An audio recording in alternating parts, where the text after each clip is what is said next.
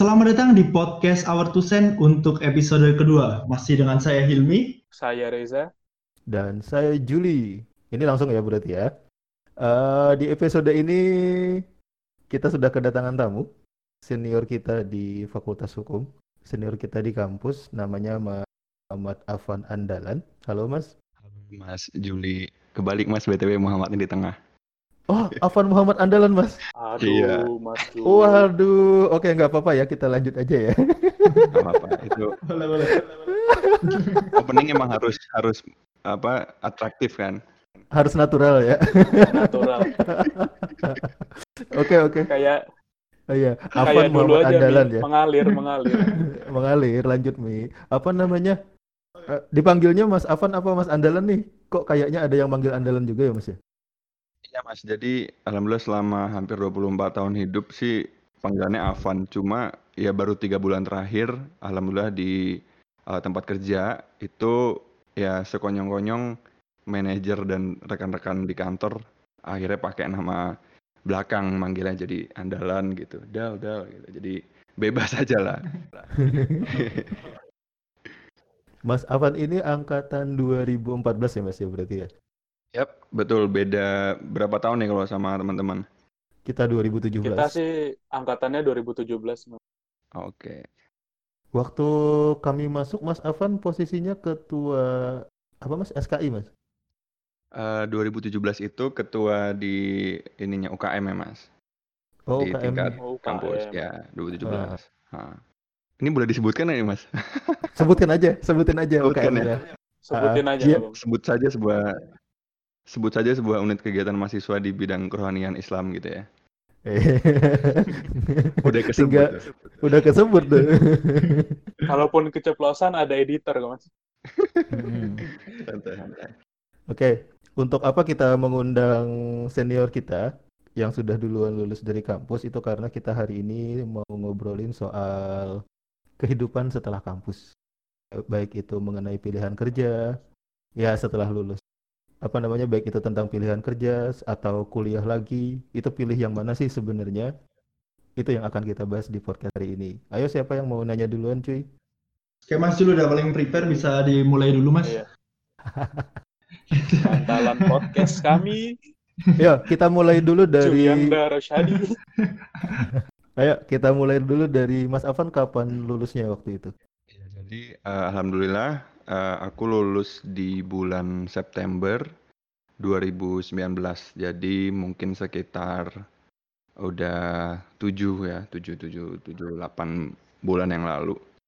Kayak gitu. Bu bulan apa tadi? September 2019. September. September 19. Uh, jadi aku masuk 2014 maba bulannya sekitar uh, September juga kan ya kuliah pertama tuh satu September aku ingat dan alhamdulillah menjadi uh, yang lulus terakhir di kelas sebenarnya.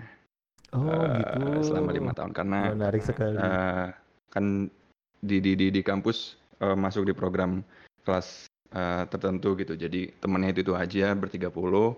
Mereka udah ada yang lulus tiga setengah tahun, empat, empat setengah. Aku terakhir di angka lima tahun. Ini kelas apa ya mas? Aku baru pernah dengar kayaknya. Uh, kelas bahasa Inggris kebetulan mas, English class. Pinter mas. Oh udah sejak tahun 2014 ya adanya itu ya? Uh, tahun 2013. Jadi oh. aku angkatan kedua, kelasku angkatan kedua, kayak gitu. Tapi kemarin sempat pertukaran pelajar atau apa sih namanya? Ah ya, uh, salah satu yang bikin molor juga ya, yang yang bisa dijadiin alasan itu Iya sempat. jadi bisa dijadikan. jadi alasan. jadi sempat sempat sempat cuti satu semester. Uh, waktu itu ikut yes, ya, pertukaran mahasiswa ikut student exchange ke Malaysia nggak jauh-jauh.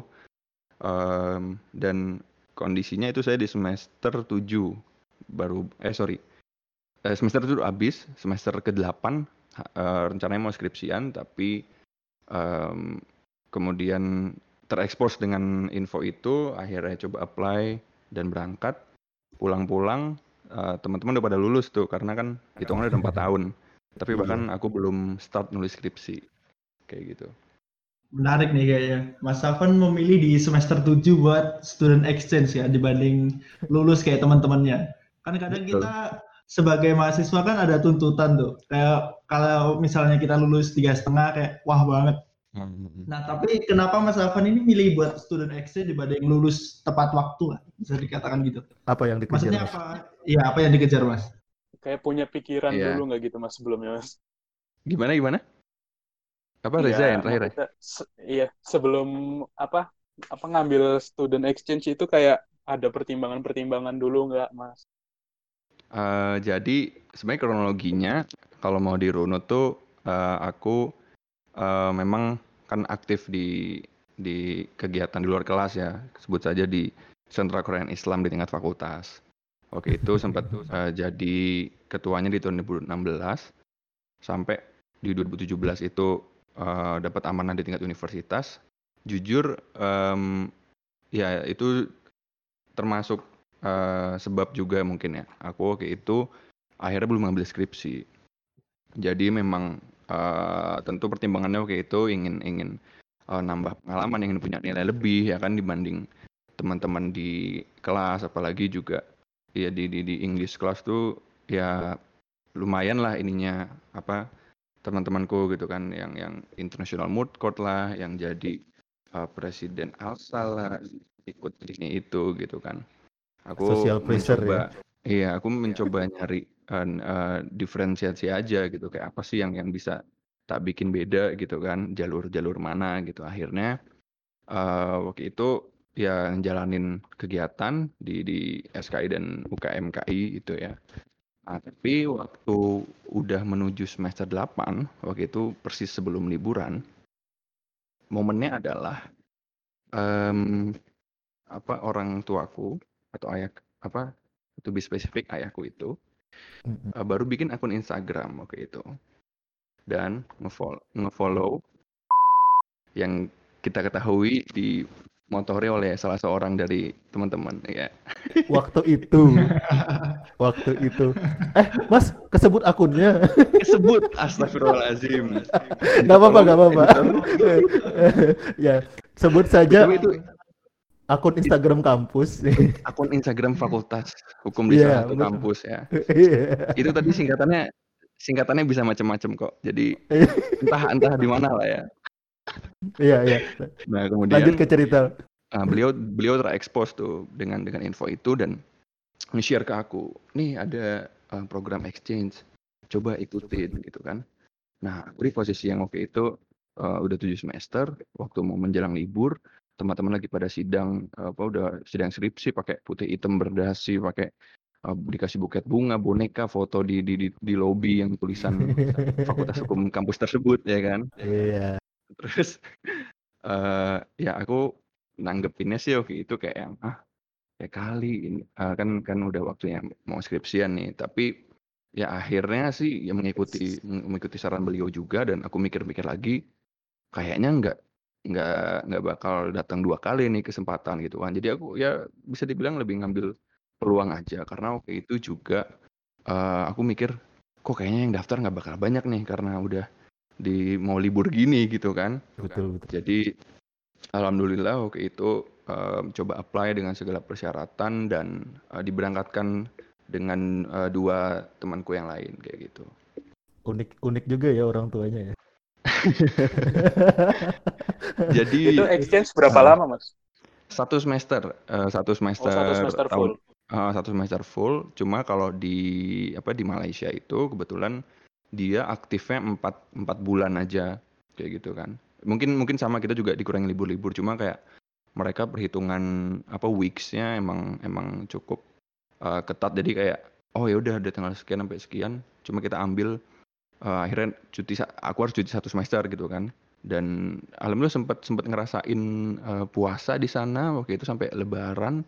Dan salah satu yang fenomenal mungkin eh, ininya mereka ya pemilunya mereka waktu Mahathir naik lagi. Oh, Oh. Ya, saksi sejarah ya berarti ya. saksi sejarah mas ter terlockdown di di apartemen kampus karena KBRI menghimbau nggak boleh keluar Oh, soalnya iya. agak-agak hangat juga tuh situasi di sana begitu kayak gitu Lockdown dari dulu. Lebih enak di mana, Mas? Di sini apa di sana, Mas? Aduh, aduh. Ya, sebenarnya Kan nggak nyebut kampus, Mas Jul. Iya. sih. mungkin banyak plus minus ya cuma emang uh, mungkin yang yang aku bisa bagi sih uh, kalau ada kesempatan untuk uh, apa namanya belajar gitu ya di di di tempat lain apalagi di negara lain walaupun mungkin masih tetangga masih serumpun masih kelihatan sama tapi experience itu yang bakal apa namanya uh, ngasih kesan gitu kan ke kita. Dan ya di samping juga ada networking international exposure dan segala macam uh, tapi yang jelas di sana aku banyak banyak belajar tentang dis kedisiplinan ya. Karena mungkin teman-teman di sini uh, kalau belum tahu Malaysia itu adalah negara da yang kalau di peringkat uh, apa dedikasi guru atau pengajar itu salah satu yang terbaik di dunia. Eh Kayak serius. gitu. Iya. Serius. Mungkin peringkat berdua atau peringkat berapa. Pokoknya aku kaget juga gitu kan. Ah, ya kali negara Asia Tenggara tiba-tiba apa Melayu juga gitu kan terus kayak hah masa sih tapi yang aku rasain di sana ya emang betul uh, disiplin sangat dedikatif karena sistem sistem kuliahnya juga ada yang uh, apa selain lecture ada tutorial jadi ada kayak semacam sesi di mana kita hanya bahas-bahas soal ujian kayak Hmm. gitu itu diadakan terpisah dari jam-jam kuliah biasa terlebih Bukan- lagi Hmm? Bukan bukan apa namanya kalau di kampus kita? Study club. Ya, study club bukan ya, beda ya. Beda mas, karena study club kan fleksibel dan diselenggarakan Ah. swadaya Mahasiswa. ya, Iya. mahasiswa. Ini dosennya dan dan emang terjadwal eh, menjadi ya terinput di KRS-an istilahnya gitu kan. Ada ada jadwalnya, tutorial kayak gitu. Dan yang menarik juga sebenarnya yang bikin bikin pengalaman di sana seru karena em, sistem hukum yang beda tuh, ya kan? Kita di Fakultas Oh, Hukum iya. eh, kenal dengan civil law, common law. Jadi yang aku seneng sih waktu itu di sana eh, dapat pengalaman belajar common law termasuk eh, praktek waktu itu tuh apa pitpernya gitu pakai serius? pakai jubah di ininya mood courtnya gitu Warna hitam juga. warna hitam juga eh, dan yang unik adalah eh, bahasa pengantar bahasa Inggris akan tetapi di awal eh, sidang itu jadi awalnya bahasa Melayu tapi kemudian ada statement untuk memohon si majelis hakim yang yang arif kalau di sana bilangnya bukan yang mulia untuk ya izin mahkamah menyampaikan rayuan dalam bahasa Inggris Rayuan. rayuan Dua. kan appeal kan apa pada, Oh. eh, apa Pujian gitu. gitu. Iya, makanya. Iya. Jadi ya, ya ya ada ada plus minusnya, ada ada asiknya karena sih dapat pengalaman unik yang berkesan ketika kita berada di tempat eh, selain kampung halaman kan gitu. Berarti setelah eh, ketemu tempat yang disiplin begitunya nggak terlalu kaget ya dapat pembimbing skripsi yang seperti Pak. Waduh, iya memang ya seperti sudah ditakdirkan dengan aku juga kayaknya Mas ya. Jadi iya, jadi bayangin aja aku eh, mata kuliah beliau yang aku ambil itu dua di antaranya kayak gitu kan. Maksudnya eh, kurang memenuhi standarku dan aku coba ngulang kelasnya ya kan dengan pengajar beliau lagi. Kemudian skripsi ditakdirkan untuk dibimbing oleh beliau gitu. Jadi memang Hmm. dalam beberapa hal di hidup ini aku merasa kayaknya ya kita itu dilibatkan dengan hal-hal yang itu itu aja gitu sebenarnya. Jadi nggak jauh-jauh. Susah ditemuin oke. nggak tuh, Mas? Em, kalau ditemuin kayaknya gampang ya karena mudah Standby. terlihat. Vin. Mudah terlihat. Aduh, aduh. Loh iya maksudnya aksesnya kan kan punya punya ruangan Iya. punya Punya ruangan, ruangan sendiri. punya ruangan sendiri. Punya ruangan sendiri. Aman, aman. Aman, Aman, aman. dong. Aman, aman. Cuma untuk untuk Pikiran bertemu, kita aja nggak aman, Mas. Iya, untuk untuk bertemu dan beraudiensi ya ya karena kesibukan beliau eh, apa punya posisi juga ya struktural administratif di kampus jadi memang agak kejar-kejaran kayak gitu. Berarti masih sama Bang. aja dari Apa aja? Oke. enggak, Mas. Dulu pernah mau interview susah banget ketemu ya, Mas. Oh gitu, nyari Waduh. waktunya ya. Jadi ada Sudah ya, sudah ya. Kita Udah, kembali. Iya. Mas. Malah jadi gosip, cuy. Iya. Balik lagi, Ayo, Mas. lagi. Ah, ke ini ya ke topik ya. Nah, berarti setelah ikut ke Malaysia ya kemarin habis itu skripsian, kemudian wisuda di September 2019. Apa yang pertama kali dilihat dari kehidupan setelah lulus? Um, well, jujur mas waktu itu eh, kondisinya eh, kan September ya akhir tahun gitu dan memang em, aku waktu itu berniat atau udah udah ditetapkan bahwa habis lulus eh, pengen langsung eh, pulang nih ke ke kampung halaman gitu lah istilahnya ke tempat eh, domisiliku sekarang juga di Bogor kayak gitu dari Oke. uh, dari kampus di, di Surabaya kan. Nah terus yang dilihat waktu itu eh apa namanya bukannya atau apa namanya instead of melihat banyak eh, lowongan untuk kerja ataupun peluang-peluang di sana sini sebenarnya relatif agak sedikit mas karena mungkin di akhir tahun kan juga momentumnya si eh, si perusahaan-perusahaan untuk tutup buku ya kan kemudian Iya, juga iya. eh, rekrutmen seperti apa namanya untuk untuk eh, yang jalurnya ke ASN juga pada saat itu sih belum kayak gitu kan eh, dan masih Hmm. menunggu kabar jadi jujur waktu itu yang dilihat adalah em, ya ada ada secercah eh, apa namanya ya? Ya bukan putus asa juga sih cuma emang agak agak jenuh karena eh, aku menyadari bahwa eh, apa waktuku di di kampus sudah sudah sudah di apa spending waktuku di kampus sudah cukup lama ya kan? Tapi eh, pasca di di di di wisuda itu kan pengennya langsung tuh langsung kita start gas ya kan berkarir dan segala macam waktu itu eh, kesempatannya akhirnya baru muncul di eh, akhir tahun banget gitu dan mulai awal tahun ini. Sehingga waktu itu ya jujur masih eh, sangat ngambang masih mungkin aktivitasnya nggak beda jauh sama ketika kita PSBB sekarang gitu ya. Alias ya Di di rumah rumah aja. aja. Terus Oh, buka-buka eh, YouTube dan eh, jadi gini aku mungkin punya punya tips juga nih buat teman-teman kalau misalkan eh, nanti udah nggak udah nggak apa namanya udah nggak PSBB dan bisa beraktivitas normal adalah downloadlah aplikasi Eventbrite. Jadi oke. mungkin yang biasa udah punya punya apa event gitu kan di kampus yang ngadain Iya. iklanin di sana. Aku gitu posisi udah udah lulus gitu kan. eh, alhamdulillahnya di Jakarta sangat banyak event-event eh, di di di ya di Eventbrite ya atau mungkin juga platform aplikasi lainnya. Mm-mm. Intinya informasi tentang acara apa pun, workshop, eh, seminar, diskusi, talks, eh, sharing apa pun itu, temanya juga bisa kita sesuaikan dan eh, karena waktu itu banyak yang waktunya di jam kerja, jadi aku yang saat itu masih un- unemployed gitu ya, masih punya kebebasan tuh untuk datang dan daftar menjadi yang eh, apa namanya pendaftar awal-awal sehingga selalu dapat kursi gitu loh. Jadi udah ikut aja oh ada event apa nih di apa di Jakarta gitu kan atau di kampus misalkan di salah satu kampus di ibu kota juga gitu kan yang Mm-mm. kemudian alhamdulillah akhirnya aku banyak eh, ya jalan-jalan lah ke sana dan apa dapat banyak insight dan networking juga Semua semuanya diikutin berarti Mas ya.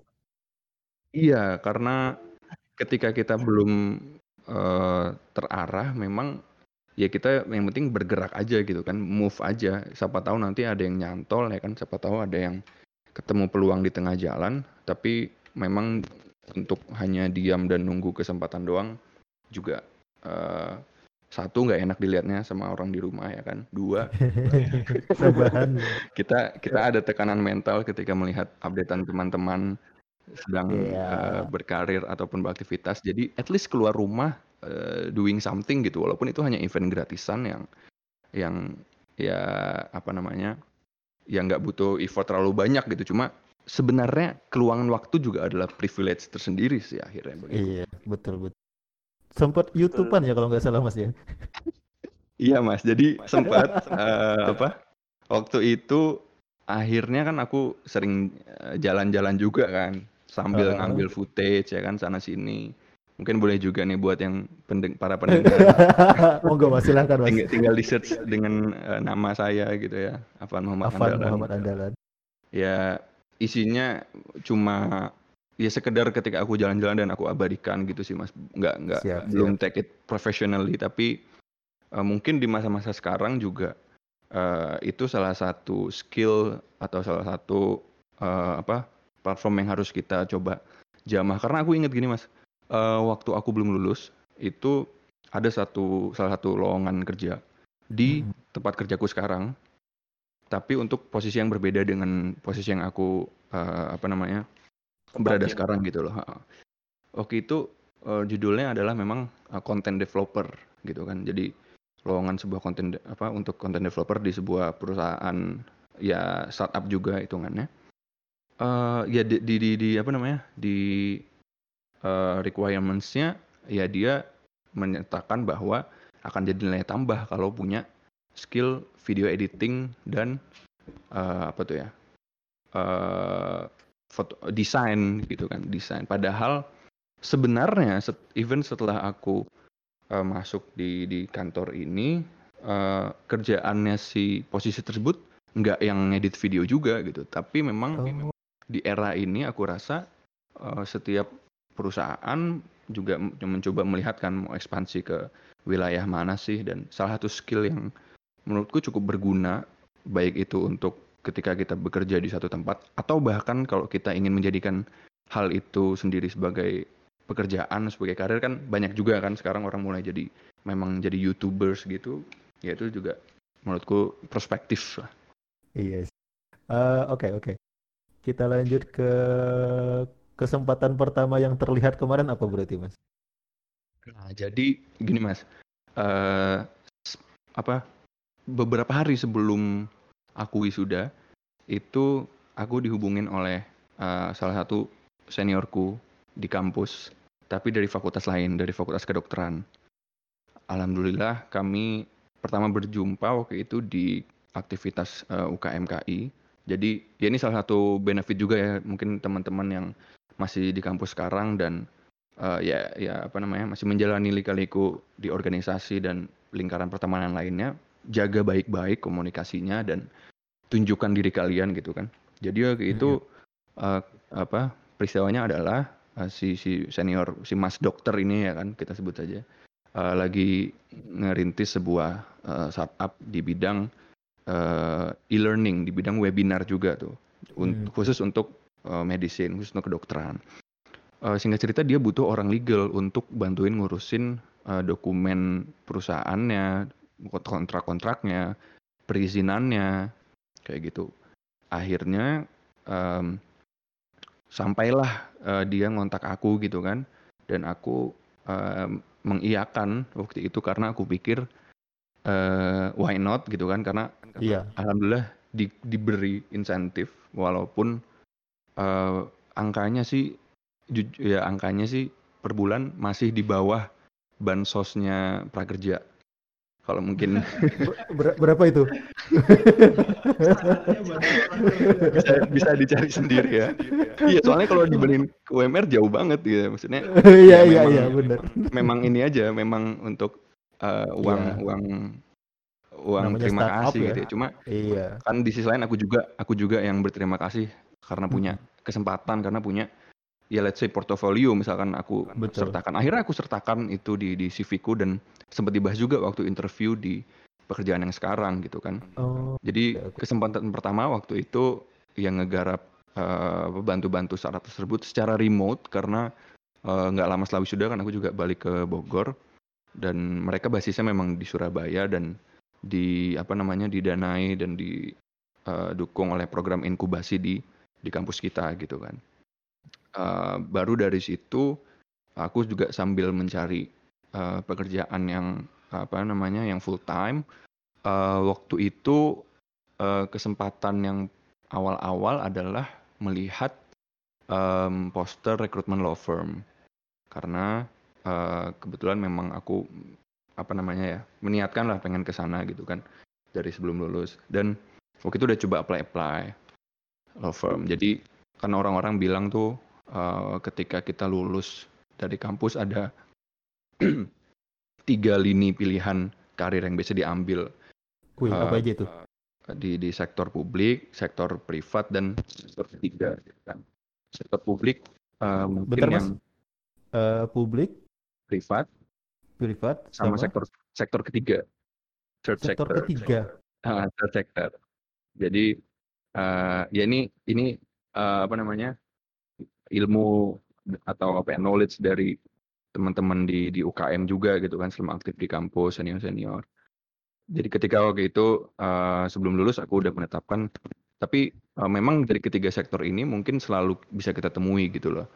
Uh, mungkin uh, dari Mas Juli sendiri uh, atau juga teman-teman di luar sana yang ya. berkarir ataupun yang jalurnya meniti jalur sebagai seorang uh, ASN atau uh, pegawai pemerintah ya kan? Atau juga mungkin yang jalurnya menjadi politisi atau ya pokoknya yang yang di berkenaan dengan apa hajat hidup orang banyak gitu ya di sektor publik kan uh, ada segmentasinya tuh pilihan-pilihan uh, profesinya. Termasuk uh, aku waktu itu juga sempat akhirnya nyoba mendaftarkan diri di uh, seleksi untuk menjadi ASN.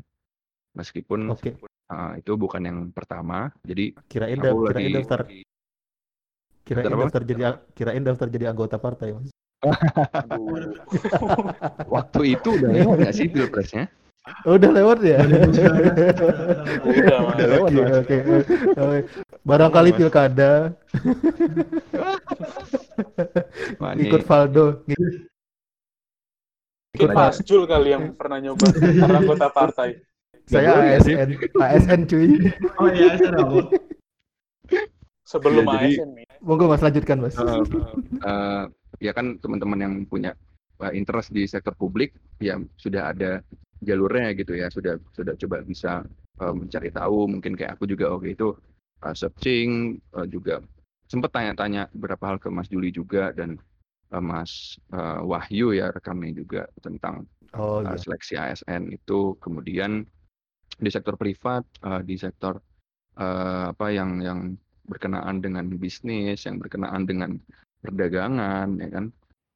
Uh, dan juga sektor ketiga yang mostly adalah uh, apa namanya pekerjaan-pekerjaan yang tujuannya sosial atau uh, memang geraknya non profit kayak gitu kan. Mungkin yang teman-teman aktif di LSM kalau di hmm. di di fokus juga mungkin ke LBH ya hitungannya. Ya, LBH di, di lembaga bantuan hukum di NGO NGO eh, penelitian atau advokasi eh, beberapa apa aspek di di di ilmu hukum juga eh, aku kira banyak. Tapi akhirnya aku memutuskan untuk mencoba um, meniti profesi di sektor kedua uh, di, di sektor privat gitu ya. Sehingga waktu itu setelah lulus uh, selain apa setelah membantu uh, startup yang kedokteran tadi aku ini mas aku daftar uh, PKPA daftar pendidikan nah. khusus profesi advokat hmm.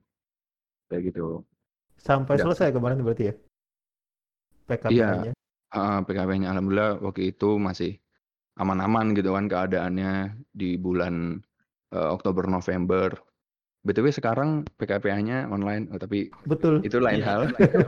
betul betul betul. itu promosi uh, hal lain cuma ya just uh, eh, FYI gitu ya. Tapi ya waktu itu uh, sembari PKPA uh, juga uh, apply kerjaan. Tapi ya gitu Mas, posisinya memang di akhir tahun nggak uh, nggak nggak ada yang manggil sih seingatku waktu itu malah. Jadi okay, okay. Hmm, jadi waktu itu kondisinya uh, apply ke law firm law firm, uh, juga beberapa company secara umum, dan baru direspon di awal-awal tahun 2020 kayak gitu. Okay. Uh, berarti Mas Evan ini eh Hilmi silahkan Mi. Oke. Okay. apa aku Mi? Tadi Aku dulu, aku dulu. Jadi gini, tadi kan banyak banget tuh Mas Afan pengalamannya buat ngeplay ke beberapa bidang, baik bidang publik maupun bidang privat kan. Tapi kita di kadang di sisi mahasiswa nih masih bingung gitu loh. Kita itu mau uh, menekuni di bidang apa agar nanti buat menunjang kita, mempermudah kita untuk memperoleh sebuah pekerjaan gitu. CV maksudnya di CV kita itu apa sih yang seharusnya kita perhatikan terlebih dahulu? Misalnya kita kan memang ingin IPK oke, okay, ingin bagus gitu kan. Prestasi juga pengen juga. Cuman kadang kita harus memilih di antara dua hal itu. Kita nggak bisa benar-benar memprioritaskan dua hal itu. Nah, menurut Mas Ava nih, di CV baiknya apa sih yang diperhatikan terlebih dahulu agar nanti juga mempermudah kita menunjang kita buat mendapatkan pekerjaan lebih mudah. Nah, Maksudnya ini, dari pengalaman-pengalaman Mas Afan tadi. Iya, ini Mas apa namanya? Ini sepertinya curahan hatinya si Hilmi. Iya, Hilmi. Karena bingung memilih antara IP atau prestasi. Kayaknya udah masya Allah sekali ya, udah pasti unggulan gitu ya. Dia salah satu pemimpin, Mas. Gimana gimana?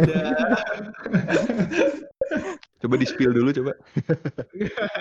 Iya, menang. Nanti aja off air, off air. Off, ya. off, off air aja. Off air. Ya, jadi Debat kalau di mana aja, Mi? Iya. Ya, kalau terkait apa CV ya sebenarnya uh, kan balik lagi ke apa namanya posisi yang atau ranah pekerjaan yang kamu minati gitu kan.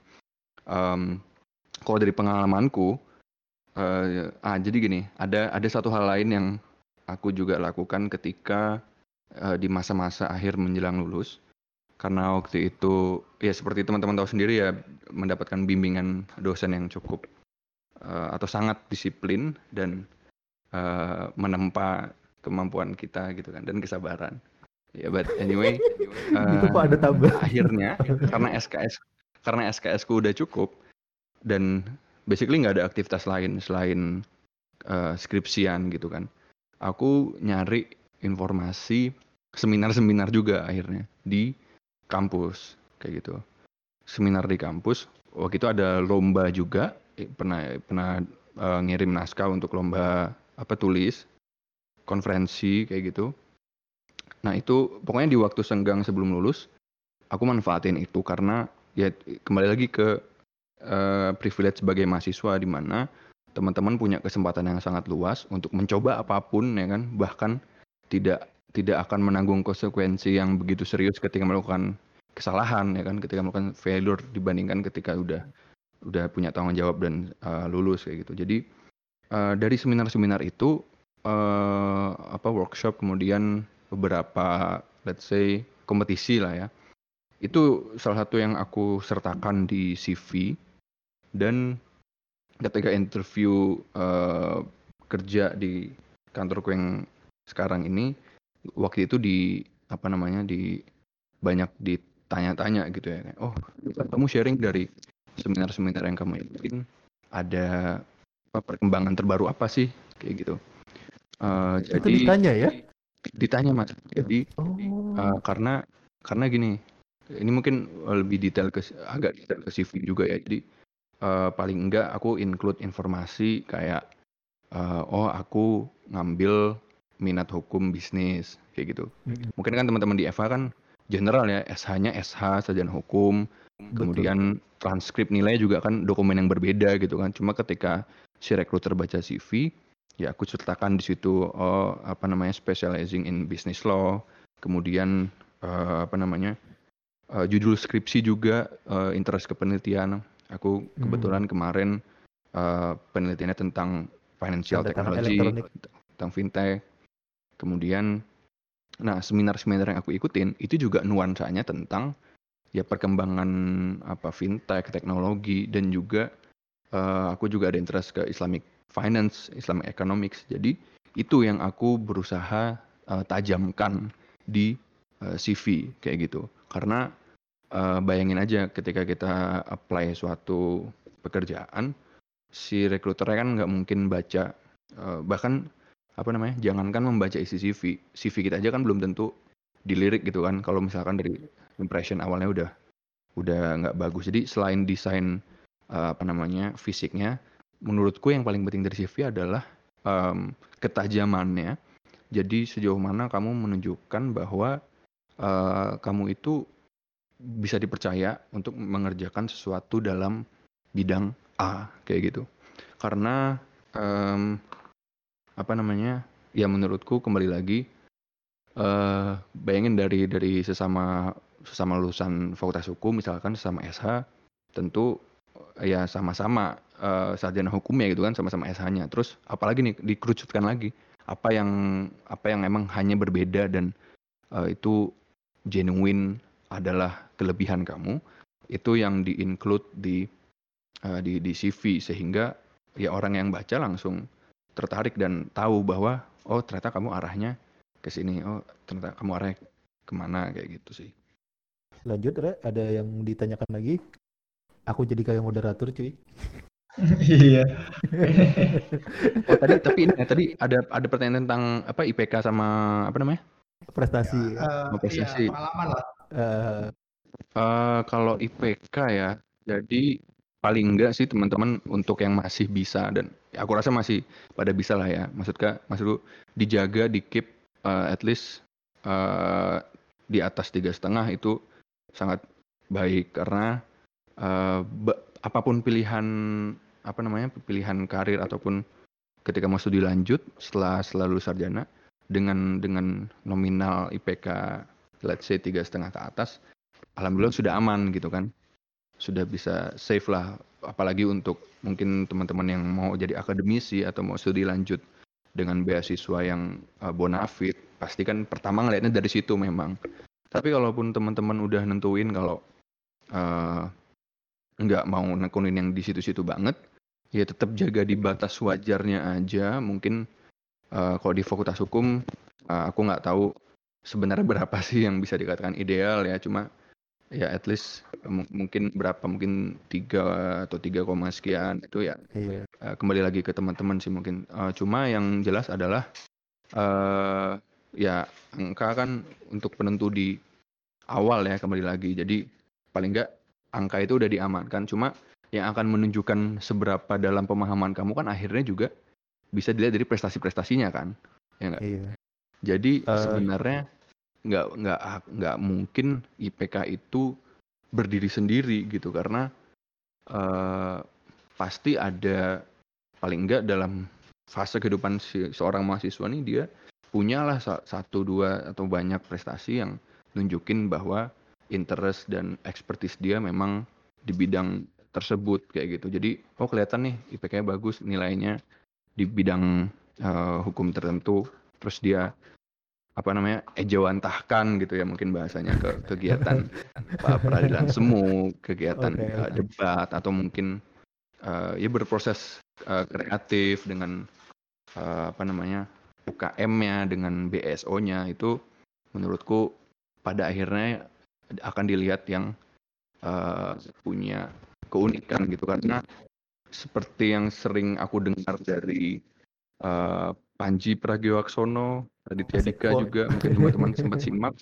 bahwa lebih sedikit lebih berbeda, lebih baik daripada sedikit lebih baik gitu kan. Jadi Mm-mm. kalau cuma IPK kita 3,6 atau IPK kita 4 lebih bagus dari yang 3,9 tapi ya itu ya udah cuma sampai situ doang. Terus Mm-mm. eh, apa namanya?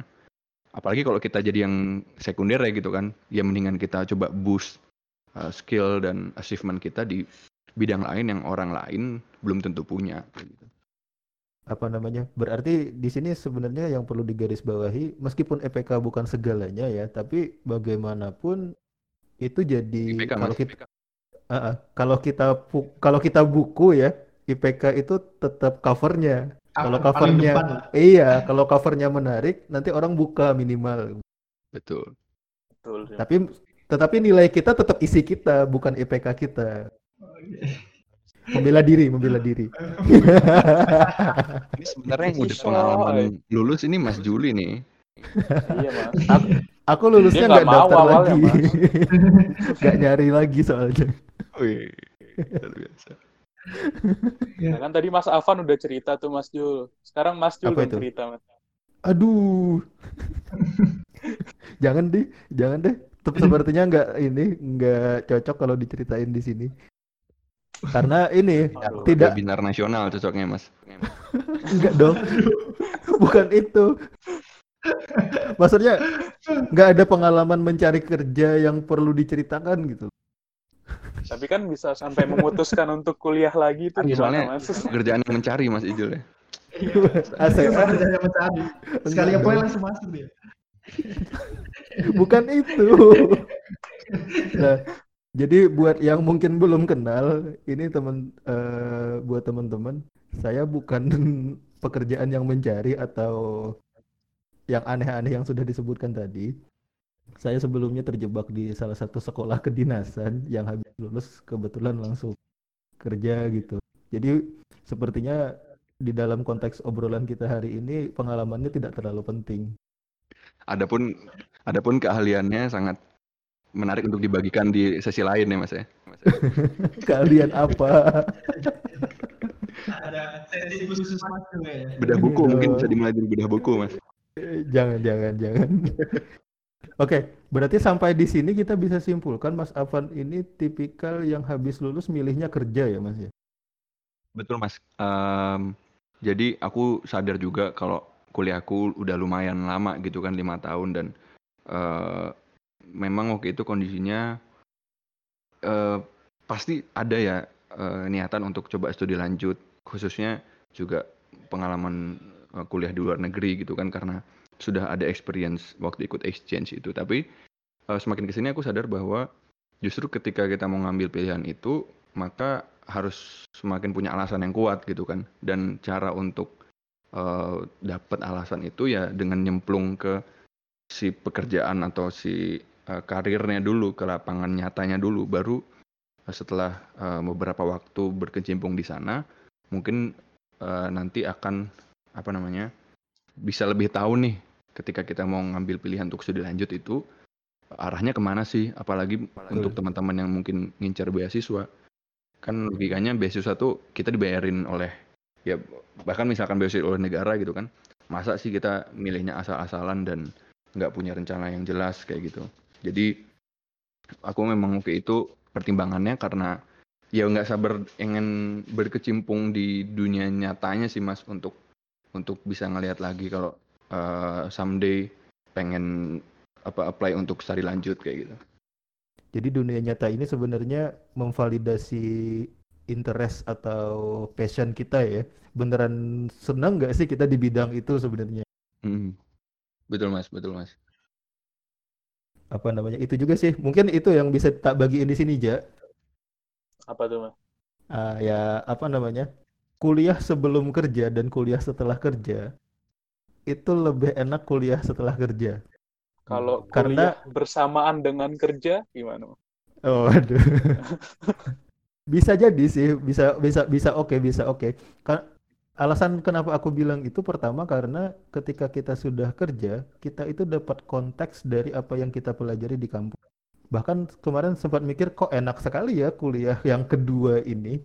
Oh, ternyata dipikir-pikir karena ya itu kita sudah tahu kondisi lapangan. Terus kita nyari teorinya.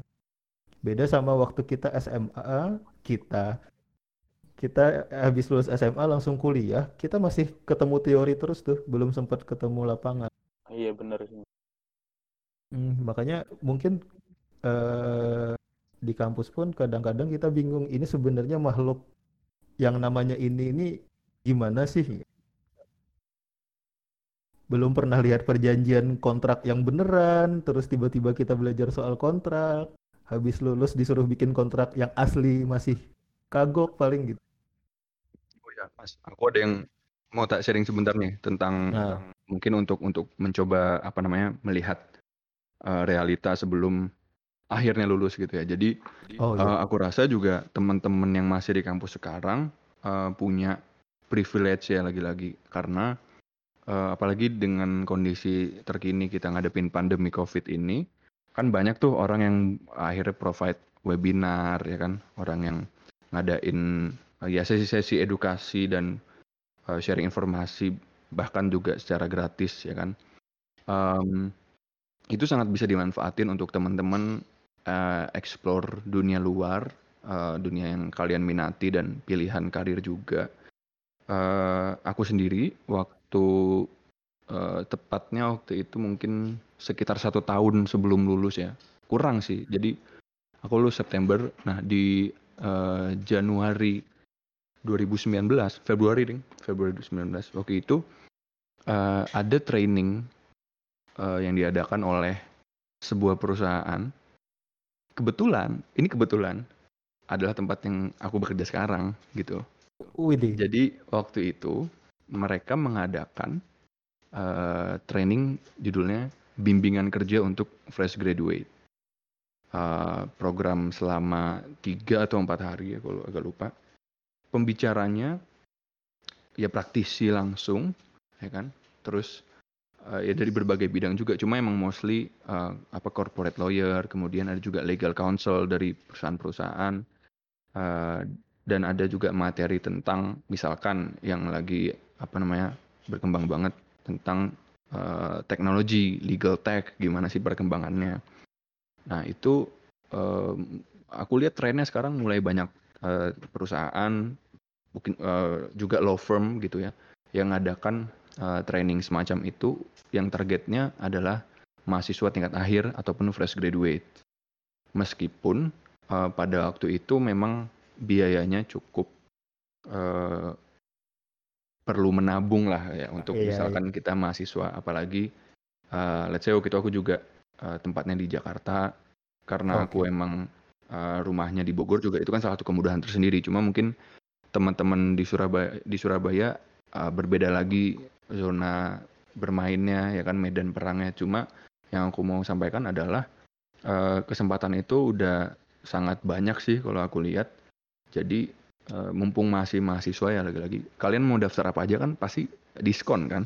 Pasti ada ada lebih murah ya jatahnya ya. bahkan untuk ha harga ikut, mahasiswa ikut ikut conference ikut apa pun itu ada harga mahasiswa jadi bener-bener dimanfaatin biar ya setelah udah nggak mahasiswa setidaknya punya gambaran yang lebih jelas kalaupun harus menunggu beberapa waktu untuk akhirnya berlabuh di suatu uh, pekerjaan posisi dan apa namanya ya posisi tertentu kayak gitu. Nah lanjut. Lanjut mas. Uh, sebenarnya aku pengen balik ke oh. yang tadi masalah PKPA. Oh, Kayak menarik tuh buat dibahas. Sekarang kan kita buat dari mahasiswa hukum untuk mengisi kekosongan. Karena ada beberapa sih aku temuin mahasiswa yang udah lulus terus mereka masih apply ke beberapa pekerjaan tapi ya karena kesulitan satu dan lain hal mereka mencoba buat mendaftar PKPA buat mengisi waktu luang kan. Nah sebenarnya seberapa penting sih kita untuk ikut PKPA? Apakah kalau misalnya kita nggak mau beracara masih perlu buat ikut PKPA atau gimana? Sama mungkin bisa dijelasin mas proses dari PKPA sendiri itu gimana? Nah, ya bagus nih. Uh, jadi uh, mungkin khususnya untuk pendengar dari kalangan hukum ya, kan yeah. Iya. uh, salah satu profesi hukum yang kita kenal adalah uh, advokat gitu ya, yang ada ada undang-undangnya tersendiri juga selain ya kekuasaan kehakiman ataupun uh, apa jabatan notaris dan uh, mungkin banyak lagi turunan-turunannya maupun pilihan profesi yang untuk lulusan fakultas hukum mungkin memang cukup uh, cukup luas. Uh, tapi untuk uh, advokat uh, memang PKPA atau pendidikan khusus profesi advokat adalah syarat ya kan syarat untuk uh, mengikuti ujian profesi advokat kayak gitu dan uh, ada syarat dua tahun magang uh, di firma hukum serta berusia 25 tahun untuk akhirnya boleh disumpah dan diangkat menjadi advokat kayak gitu. Jadi mungkin kalau tadi siapa namanya Reza ya yang nanya. Iya. Yang eh, Reza dan Hilmi sih mas. Uh, yang pertama enggak, Hilmi. Yang, yang nanya stepnya kan Reza kan tadi kan. Oh iya oh, iya. Hmm, yang tanya stepnya yeah. kan Reza. Jadi uh, untuk untuk untuk sampai ke advokat ya urutannya SH lulus, ikut PKPA, UPA ujian profesi advokat, kemudian uh, dua tahun kalau misalkan asumsi apa asumsi kayak aku lulus usia 23 gitu ya terus uh, eh, PKPA terus magang 2 tahun ya pas tuh 25 tahun bisa apa namanya di, diangkat dan disumpah dan diangkat menjadi advokat di uh, pengadilan tinggi ya ininya tempatnya itu. Nah, uh, jadi itu kalau untuk untuk untuk jalurnya. Setauku uh, sampai saat ini masih sama dasar hukumnya undang-undang advokat 2003 okay. itu ya dan uh, belum ada perubahan. Nah, adapun PKPA-nya yang tadi Hilmi tanyain ya. Uh, uh, intinya sih uh, kalau misalkan pertanyaan adalah seberapa penting untuk untuk uh, mahasiswa lulusan hukum, um, secara judul aja sebenarnya kan ini diperuntukkan bagi advokat ya calon advokat yang ingin berkarir sebagai advokat atau pengacara. Nah kalau misalkan untuk mengisi waktu luang sebenarnya ya nggak ada masalah sih buat yang punya budget dan emang punya kemampuan apa keinginan belajar yang tinggi juga. Uh, aku bahkan ada punya temen yang setelah lulus SH dia ikut PKPA which is jalur advokat kalau secara teori. Kemudian hmm, dia, dia lanjut uh, di kemudian hari dia mengambil kuliah magister kenotariatan Oh, kayak gitu. Kira belum cukup sampai di situ, belum cukup sampai di situ. uh, dia bilang kalau ada rekrutmen Mahkamah Agung, dia pengen daftar jadi hakim. Ya. Luar biasa kan? Sekali. shoot shoot out to seseorang. Sebut aja namanya nggak apa-apa. Sebut saja Rizaldi. Oke. Itu teman-teman kelasku tuh anak-anak situ Bondo. Dia. Oh, Oke. Okay. Uh, dia punya adik namanya Alrido Edo, anak uh, kampus kita juga angkatan 2015.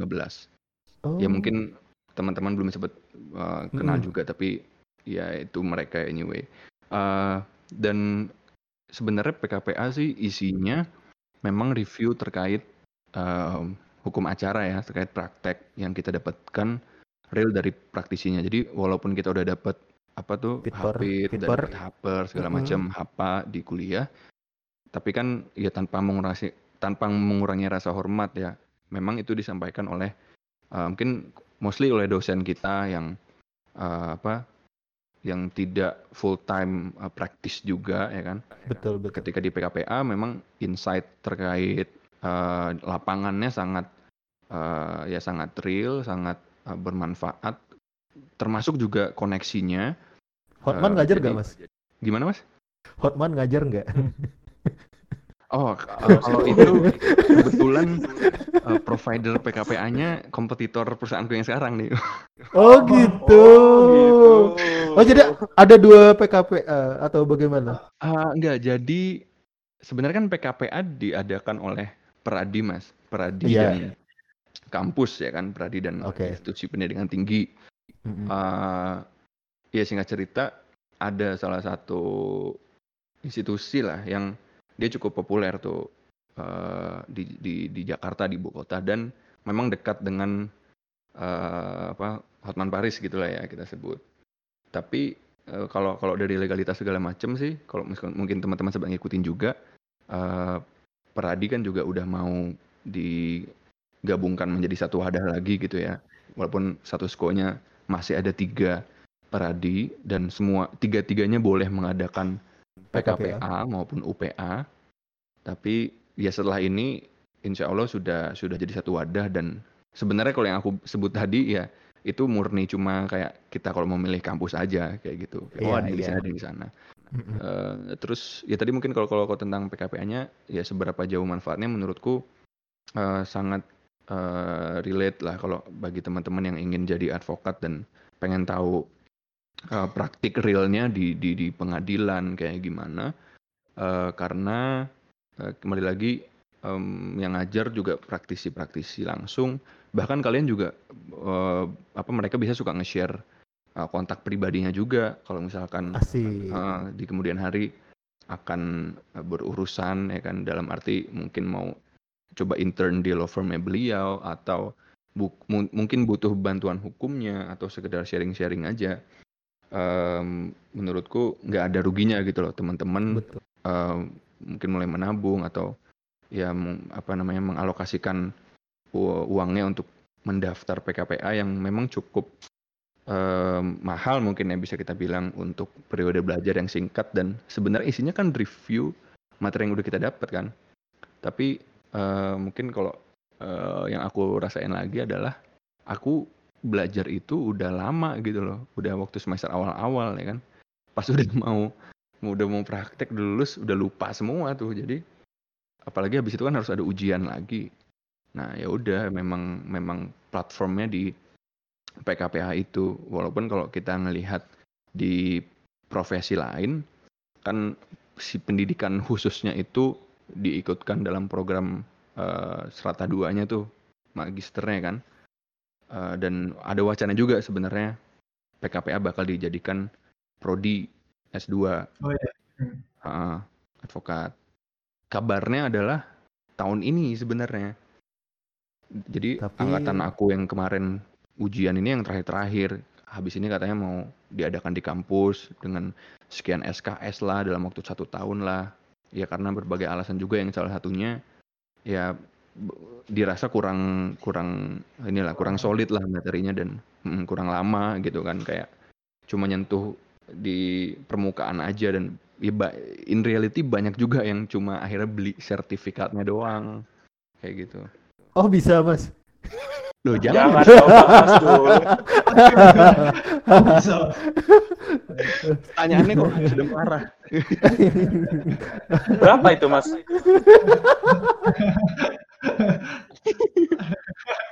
lanjut lanjut ini tadi masalah PKPA kan karena aku sempat ketemu orang Peradi dulu pengurus salah satu pengurus Peradi beliau okay. ngomong kalau misalnya kadang kan Peradi ngadain sebuah event dan buat anggota Peradinya at least orang-orang yang para PKPA masuk sebagai anggota Peradi atau gimana? Oh gitu. Bisa, um, bisa dikatakan gitu atau enggak? Sebenarnya enggak karena oh enggak. Uh, karena Peradinya sendiri kan Perhimpunan Advokat Indonesia. Artinya uh, seharusnya kan memang yang sudah advokat dalam arti sudah PKPA, sudah UPA, UPA. sudah disumpah dan Magang. diangkat, yang artinya dia sudah memenuhi uh, syarat usia minimum dan syarat magang kayak gitu. Hmm, iya. Terus kemarin sempat ngomong sih orangnya kalau misalnya kalian udah ikut PKPA kayak contohnya banyak banget eh, hal-hal positif yang didapat. Salah satunya kalau misalnya Peradi ngadain sebuah event, katanya sih orang yang daftar PKPA di Peradi tersebut dapat bisa join di event tersebut secara gratis kayak contohnya pelatihan kontrak atau apa. Apa itu bisa dikonfirmasi kebenarannya atau enggak? Maksudnya dikonfirmasi kebenarannya. Cuma, cuma ngomong, oh, maksudnya kan kadang kita ngomong kan ya manis-manis di bibir lah. Iya. Yeah. um, disclaimer dulu ya. Ya, enggak juga yeah. sih. Iya. Tapi intinya kan uh, apa aku mungkin menanggapi apa yang dari yang aku tahu. Jadi ya seperti itu ya posisi tadi Peradi ya semestinya memang isinya advokat kayak gitu kan. Kemudian uh, kalau topiknya adalah jika mereka melakukan event apakah ada diskon ini tertentu uh, sepertinya boleh-boleh saja. Tapi bukan berarti bahwa pasti akan mendapatkan uh, benefit seperti itu gitu karena yang secara hukumnya nggak ada juga gitu kan intinya um, pada akhirnya memang banyak uh, banyak yang kaitannya dengan dengan dengan PKPA dan per peradian dan peradvokatan ini yang ya bisa dibilang uh, ada bisnisnya juga lah. Jadi kayak yeah. Oh ngadakan uh, training ini ada diskon ini. Itu uh, kembali lagi ke si providernya itu sih. Karena kayak misalkan di di tempatku nih di di di, di kantorku um, dengan mendaftar PKPA dapat gratis akses uh, apa namanya database peraturan kayak gitu. Dan putusan selama berapa bulan itu tiga bulan kalau nggak salah. Itu kan ya teknik untuk promosi aja gitu kan. Maksudnya itu kan hal di luar di luar kegiatan pendidikan khusus profesi advokatnya dan di luar proses untuk menjadi advokatnya. Dan aku kira selama itu bukan kewajiban dan tidak ada uh, aturan khusus yang melarang itu kelihatannya sih uh, boleh-boleh aja ya. Kalau yang tadi itu kesimpulannya dilihat dari TNC-nya si PKPA ya tergantung kalau misalnya PKPA-nya pas BKPA itu ada dibilang itu gratis selanjutnya apa ya itu akan diterima gitu. satu paket. Iya mas, itu kembali lagi ke si penyelenggara sih kalau aku lihat. Tapi intinya adalah um, tugasnya atau atau ya intinya dari PKPA itu kan untuk punya sertifikat kelulusan si PKPA-nya ya kan si event PKPA-nya untuk bisa daftar ujiannya dan selanjutnya sampai disumpah dan diangkat itu. Gimana nih lanjut ke soal tempat kerja sekarang? Iya, dari tadi Mas Boleh. Mas Evan baru ngomong tempat kerja sekarang, tempat kerja sekarang, tapi belum nyebut sekarang kerja di mana. Iya. Kan sebenarnya hal menariknya itu kan. Iya. heeh. Jadi Sebutin aja. jadi teman-teman ya biar biar penasaran juga sampai di sini biar masih penasaran. Ini tempat kerja Mas Afan adalah tempat kerja kita men- eh tempat kita mencari referensi untuk di kopas tugas kuliah gitu ya. I've, I've been there too, Mas. I've been there too. Eh, I've been there tuh. Iya, jadi eh, Ya. alhamdulillah eh, aku sejak em, Februari awal kemarin eh, bekerja eh, ya sekarang statusnya masih masih eh, probation hitungannya tapi insya Allah within minggu depan akan eh, apa eh, tetap kayak gitu ya. Di hukum online hukumonline.com mungkin kalau yang teman-teman hukum familiar. Em, hukum online adalah ya perusahaan regulatory eh, database dan juga eh, media ya sebenarnya. Ada ada sisi apa persnya juga gitu kan jurnalis berita-berita.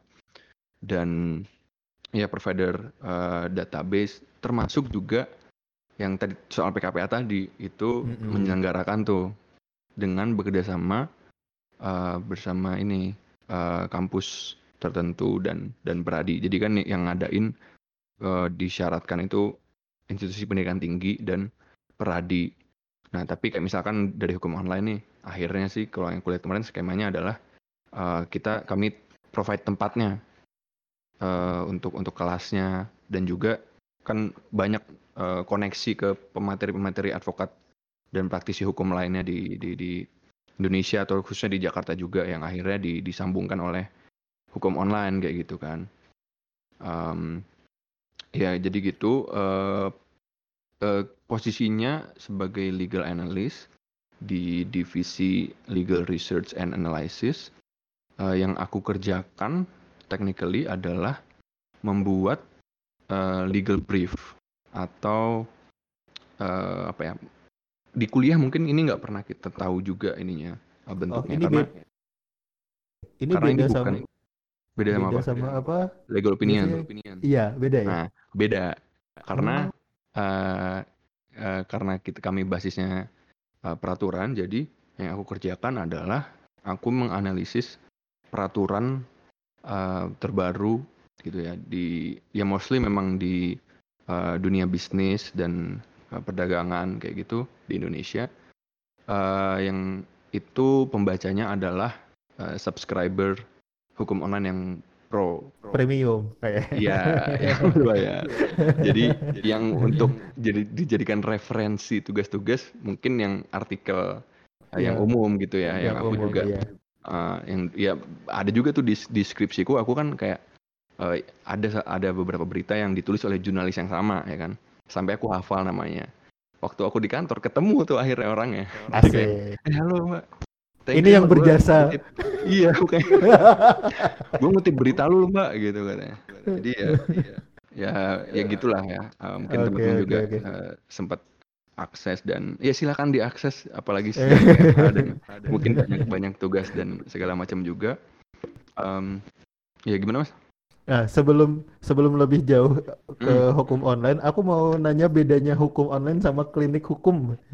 Oh ya kenapa ada dua Instagram account ya? Yang Iya. berbeda. Aku sempat bingung kemarin. jadi eh, klinik hukum klinik adalah salah satu divisi. Salah satu Oh, divisi di hukum online.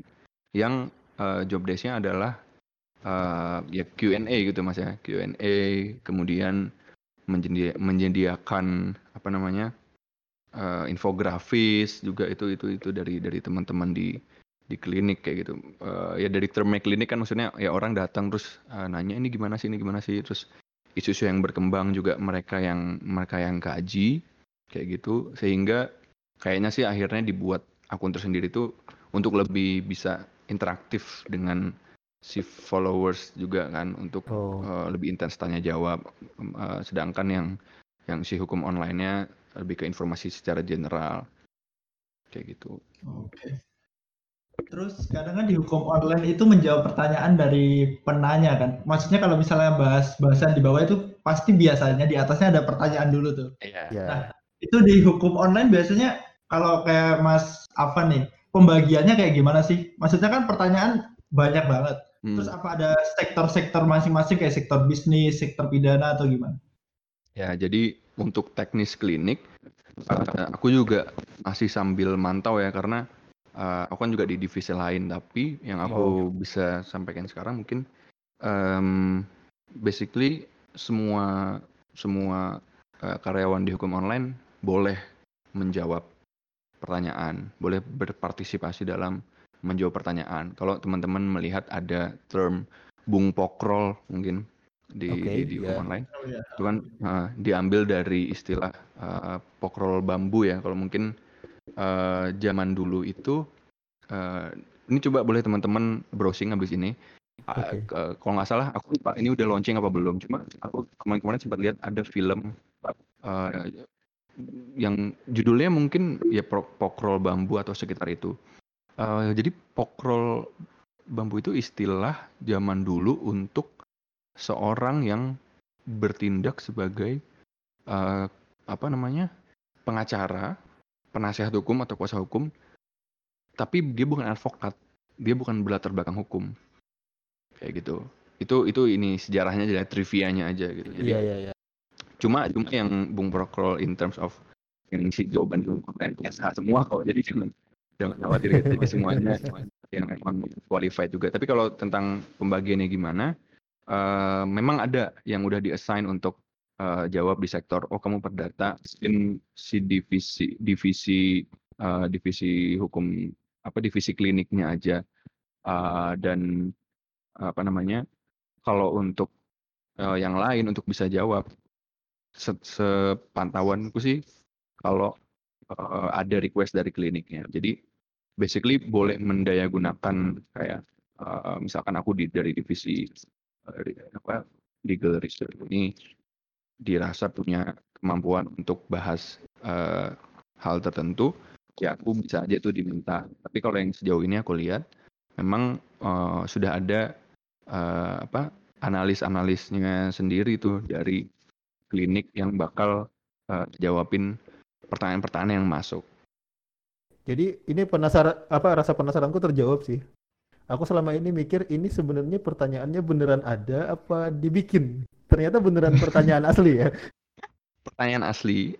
Oke. Dan kalau misalkan ini mas, eh, misalkan ada artikel umum nih ya, misalkan eh, mungkin teman-teman sempat lihat. eh, jadi kan kalau pertanyaan asli tuh ada penanya, ada penanyanya tuh kadang ada nyebutin sedikit inisial lah apalah. Hmm, inisial. Tapi kadang kalau misalkan ada ulasan aja, itu di awalnya selalu ada pertanyaan memang.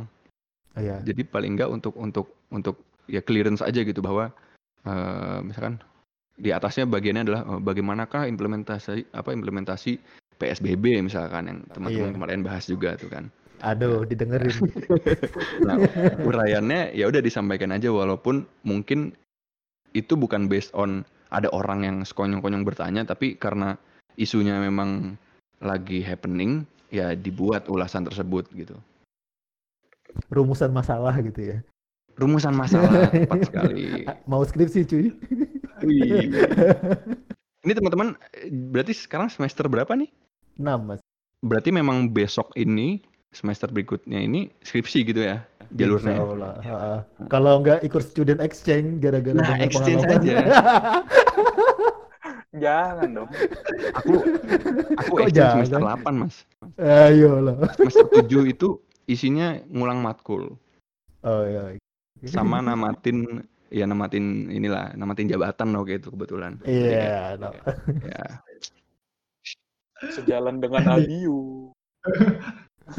ada yang unik nih kadang aku sempat kalau misalnya buka hukum online kan kita sebagai anak hukum kan biasanya nyari peraturan tuh. Ha-ha. Kadang kan sumber kita paling nggak kalau nggak di dpr.go.id di BPHN kan.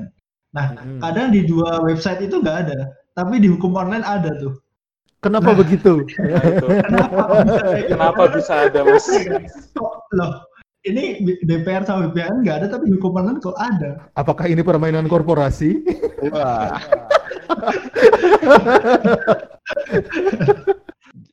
Ini uh, apa bukti bahwa disrupsi itu nyata ya mungkin. Asik. Enggak juga sih. Uh, aku juga dulu ngiranya uh, apa namanya um, pasti dong sebelum dihukum online dia ada di tempat di mana dia berasal gitu kan. Gitu kan. Betul. Kan, kan hukum Lembaran online negara dong. kan bukan bukan legislator juga gitu kan. Iya. Kami hanya uh, Bukan seknek juga. Cuma memang uh, prakteknya gini teman-teman. Uh, terkadang kita itu risetnya emang simply kurang dalam aja sampai ke JDIH setiap Mm-mm. instansinya Kementerian. gitu. Iya. Hmm. Karena aku nggak tahu nih, tapi ini kayaknya agak sedikit membocorkan uh, bisnis model ya. Tapi intinya adalah eh, nggak apa ya nonsense juga lah kalau misalkan ya malah kita yang dapat tiba-tiba eh, out of nowhere, sedangkan di si lembaga asalnya nggak ada gitu kan. Tapi eh, ada juga fenomena gini di lembaganya itu sendiri dia emang nggak bagus aja ininya arsipnya di- pengarsipannya Di scan doang ya. Mm-mm. Atau bahkan ada yang dihapus setelah waktu dipublish terus kontroversial itu dihapus. Kayak misalkan aku gitu ditanyain temanku tentang ini eh, keputusan gubernur tentang UMR waktu itu di suatu daerah tertentu. Itu waktu itu aku waktu waktu aku Google isinya berita buruh demo ya kan akhirnya mungkin orang yang nyari peraturannya juga sulit cuma oh di database kita udah udah pernah apa ke include ya akan di situ selamanya insya Allah Iya. gitu kan Makanya kata kuncinya biasanya peraturan nomor segini, tahun segini, hukum online. apalah melakukan itu teman-teman ya eh, yang menarik lagi di hukum online dari peraturan yang mereka sediakan adalah itu sepertinya diketik ulang ya Mas ya. karena ini ya mas ya formatnya sama semua jadinya ya Iya, udah dibikin desain Ah. sendiri juga. Dengan warna orange di atas. Eh, Ya, orange dan biru ya Iya, sekarang logo baru kan juga kayaknya ya. Logo baru atau sekedar branding baru sih aku kurang memperhatikan. ada ada sedikit perubahannya baru Ah, iya, luar biasa iya. ini mengikuti sekali kayaknya lagi skripsi. Eh, apa? Ini Mas, memang apa? Jadi aku sempat ngalamin tuh kemarin kayak misalkan teman-teman ngikutin kemarin ada peraturan OJK tentang relaksasi kredit tuh, relaksasi pembiayaan. Oke. Itu kan eh, termasuk juga kayak Perpu dan Kepres sama apa satu Hmm. lagi? Perpu, Perpres ya? Eh, per- Yang tiga permen. kemarin? Yang tiga kemarin yang pas mau PSBB itu apa? Permenkes PP, bukan? PP, PP, PP. Oh, PP. Oh iya. iya. PP 21 20 20 Mm-mm. Perpu sama Kepres itu kan bertubi-tubi ya kan. Terus Iya. POJK-nya juga eh, istilahnya kejar-kejaran lah. Nah, itu sempet waktu aku download, aku sendiri kan juga download gitu loh di di aplikasi Iya. apa di di websitenya. Itu Iya. masih ini, masih format si Draft, PDF dari OJK-nya.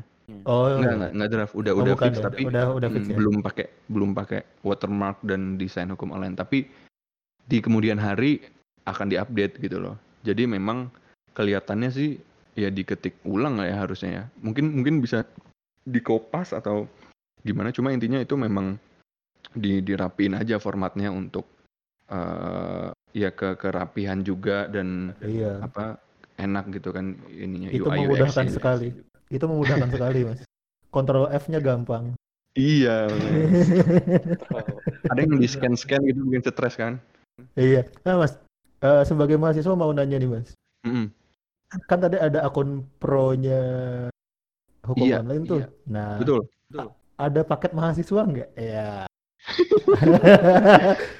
Spotify aja ada, Mas. Mungkin ini kalau belum ada jadi masukan nih. Itu ya, Bu- iya boleh juga ya. Jadi eh, ini nggak apa-apa lah ya sedikit, bukan sedikit nih, kayaknya udah udah promosi terus nih. Tapi eh, kan untuk untuk untuk apa yang paket full yang company itu 4 juta per bulan ya. Widih. Sedangkan untuk yang individu 2 juta per bulan. Hmm. Ya memang itu mungkin baru berapa bulan udah kayak UKT juga kan. Tapi Betul. Iya. eh, mungkin eh, kalau untuk mahasiswa eh oh ya aku penasaran juga sebenarnya. Koleksi khusus kampus kita itu apa fakultas kita itu subscribe nggak sih? Pernah ada yang nyoba nggak? Oh belum. Yang Belum ya? jelas udah belum nyoba yang jelas eh, yang jelas udah dicoba sih J-Store. Hmm, Itu kalau nggak salah, coba. eh aku gitu ngobrol sama manajerku tuh eh, Hmm. sebulan lalu kalau nggak salah. Terus dia bilang kampus kita baru mensubscribe. Oh. Kayak gitu. Oke oke oke. Coba di- coba diperiksa karena memang kalau terkait apakah ada harga mahasiswa sampai saat ini belum ada. Akan tetapi nggak jadi deh. Nggak jadi deh. ya kita berharap Kadang. aja Mas Jul Cuma cuma ini Mas, cuma eh, salah satu ekspansi yang dengar-dengar mau dilakukan kan aku juga bukan decision maker nih, cuma aku udah dengar-dengar bahwa eh, si produk premium ini akan di retailkan istilahnya. Jadi Oh sih. eh, mungkin untuk untuk sektor tertentu eh, dipaketin dengan harga tertentu. Karena kan kalau misalkan teman-teman subscribe kan tiap hari akan dapat tapi bidangnya macam-macam kan. Betul. Hmm, kayak Gelondongan ya. Hmm, jadi kayak aku aku sendiri tuh kerjanya misalkan hari ini aku dapat peraturan menteri agraria misalkan. Nah, itu aku rangkum menjadi seribu kata dalam bahasa Inggris. Ya, BTW yang premium itu produknya bahasa Inggris semua. Oh iya. Hmm, itu dalam sehari itu ya aku selesaikan. Ntar di edit segala macam akan publish di eh, beberapa hari setelahnya gitu ya. Tapi si si subscribers ini di apa secara secara eh, apa rutin eh, hari ke hari akan mendapatkan em, satu tulisan kayak gitu. Kayak Si newsletter ya. kontennya. Ah, newsletternya. Gitu. Oke, serius Eh, yang ini kalau misalnya nanti kita cross check ternyata koleksi khusus perpus kita belum subscribe. Kalau misalnya kita usul nih, kita usul semoga yang denger ada salah satu presiden BEM misalnya denger podcast ini. Waduh. Nah, aduh mungkin nggak Mas kalau BEM yang subscribe Mas? Gimana gimana? Bisa apa enggak? Bisa Bu- apa enggak? Bisa nggak kalau BEM yang subscribe terus share user ke mahasiswa? Legal nggak kalau kayak gitu? Oh, maksudnya BEM tapi jadi bisa semua mua gitu ya? Iya, yang subscribe BEM gitu. Kan mereka dapat Hmm. anggaran dari kampus tuh. Oh iya benar benar Ya, benar.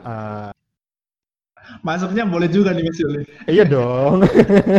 Bener juga mas. Ini akan kusarankan ke kedua belah pihak nih, ke si Akbar Oh, maupun iya. ke kantor nih. Waduh, nyebut, nyebut Akbar. Oke. Jadi ini apa? eh eh, aku aku nggak tahu apa insight mekanismenya ya. Maksudnya ketika subscribe kan ada nih teman-teman seangkatanku sekarang yang kerja di eh, BUMN, kerja di perusahaan-perusahaan juga yang dia kantornya subscribe dan dia dapat kiriman per hari. Aku nggak tahu apakah itu bagian dari subscribe kantornya dengan nominal tertentu, jumlah pegawai Oh, iya. tertentu, ya kan? Iya, iya. Aku eh, kurang tahu juga. Jadi mungkin bisa kita kita follow up nanti gitu ya. Maksudnya Oke. kita coba coba goalkan karena ya memang eh, menurutku perlu sih apa Hmm. namanya eh, ya database gitu ya karena Iya. waktu aku kuliah pun eh, waktu aku kuliah itu akhirnya gini ada ada kenalan seniorku yang udah kerja di suatu tempat dia dia subscribe akhirnya aku pendekatan ke yang bersangkutan gitu loh Ah, kayak gitu dulu iya. Boleh gak sih sebenarnya gitu? Kayaknya bisa mas ada mungkin Bisa. ada ada ininya ada ada TNC-nya juga dengan Iya. penyesuaian biayanya Hmm. juga mungkin kan tapi Iya. menurutku ya sangat ini sih sangat prospektif ya Iya, betul. Makanya bisa jadi nanti BEM se-Indonesia subscribe hukum online tuh untuk yang BEM hukumnya ya. iya boleh boleh boleh boleh semoga nih bisa nih bisa nih Iya. Akbar tolong Akbar Akbar. semoga Akbar dengerin nih ya Iya. Nanti kan bisa di-share linknya. Iya, langsung Bener kita share di juga. grup angkatan ya. terus kita mention gak sih Ya, mention dong. Eh, eh, eh, eh, eh, eh. Apalagi ya soal hukum online ya? Ap- Budaya kerjanya gimana, Mas? Berarti ini ini ini menarik nih, bener. Eh, ini salah satu sektor yang tidak terpengaruh sama kondisi lockdown nggak sih? Kondisi karantina dan PSBB ini nggak sih? Ini pertanyaan bagus nih mas. Jadi bahkan ketika tidak lockdown, Mm-mm. sejujur-jujurnya, uh, khususnya di divisiku, itu Mm-mm. kami bisa work from home, kayak gitu. Karena yang kukerjakan sumbernya berasal dari website hukum online yang bisa diakses di mana pun kan gitu.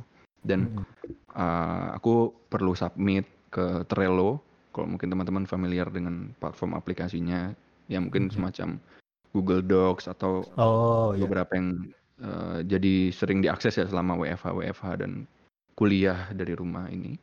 Nah, eh apa namanya? Tapi kalau misalkan terdampak apa enggak? Secara langsung enggak. Eh, secara langsung enggak. Eh, jadi kan misalkan ya yang klinik, even yang klinik sekalipun jawabin pertanyaan kan saya bisa lah ya di di rumah mungkin punya buku-bukunya. Kalau selama ini ada di kantor waktu itu mungkin sempat dibawa atau dia sempat ya bisa akses dari dari internet lah. Tapi eh, kayak beberapa apa yang jurnalis karena dia harus masih nyari berita atau mungkin fotografer-fotografer kan masih masih keluyuran tuh.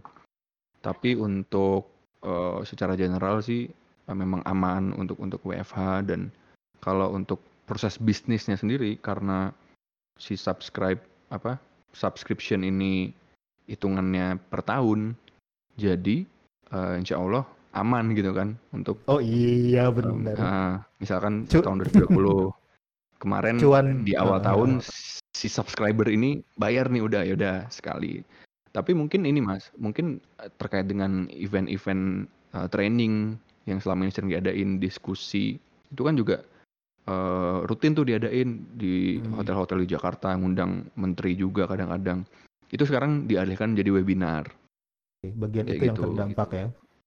itu yang terdampak.